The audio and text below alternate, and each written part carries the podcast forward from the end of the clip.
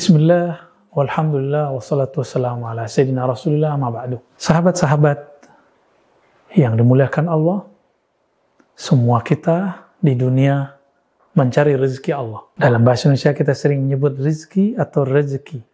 Atau rezeki, semuanya sama.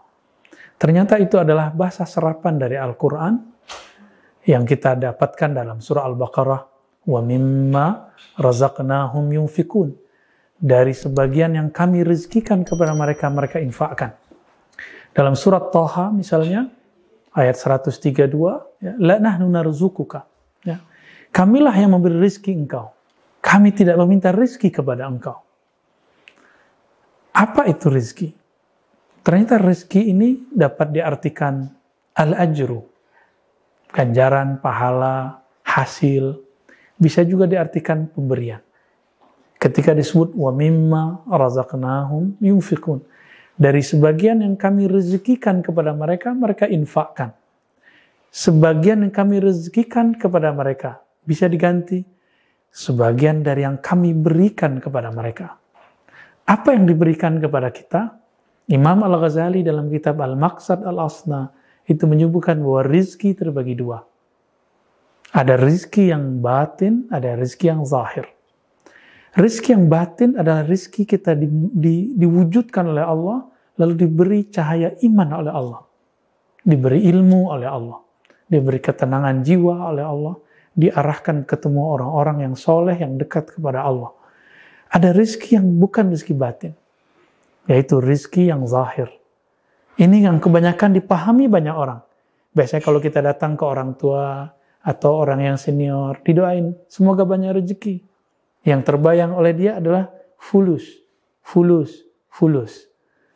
Jika itu yang disebut rezeki, maka teman-teman, tentu orang kaya adalah orang yang paling banyak dapat rezeki di dunia.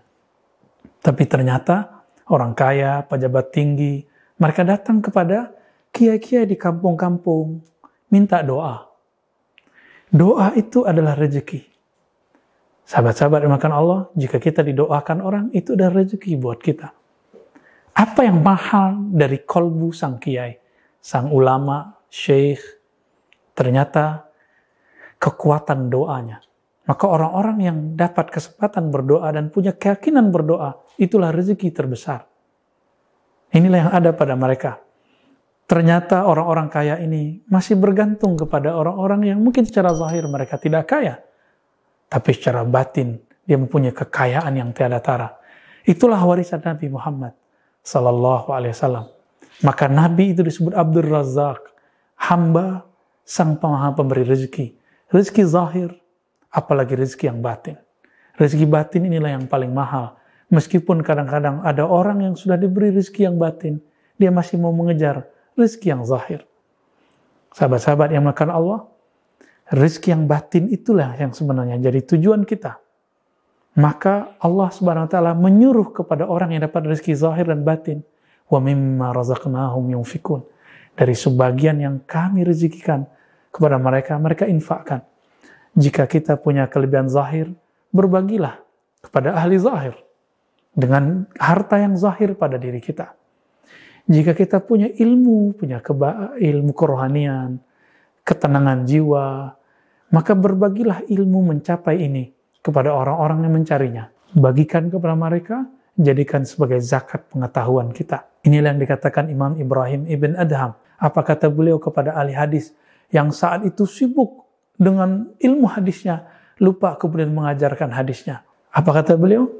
Addu zakata, addu zakata ulumikum ya ahlal riwayah, ya ahlal hadis.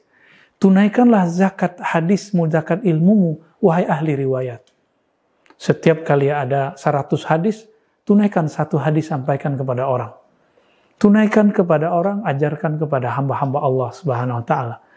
Jika kita punya kalimat zahir, berbagilah dan tuntunannya sudah jelas.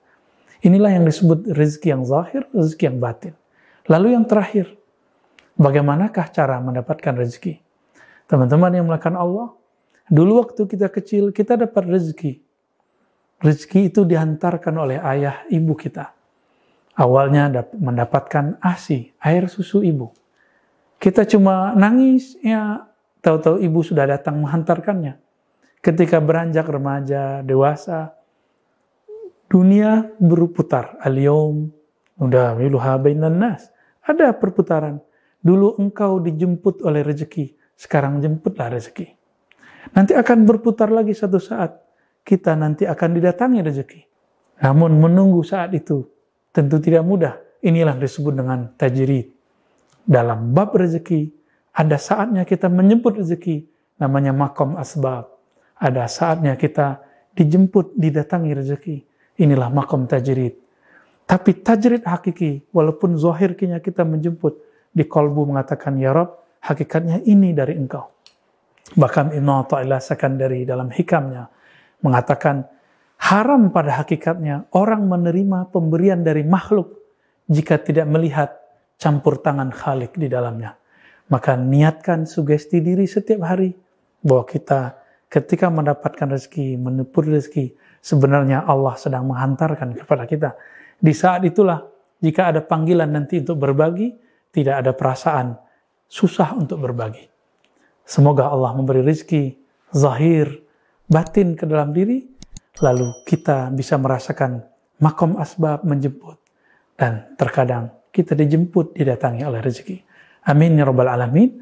Wassalamualaikum warahmatullahi wabarakatuh.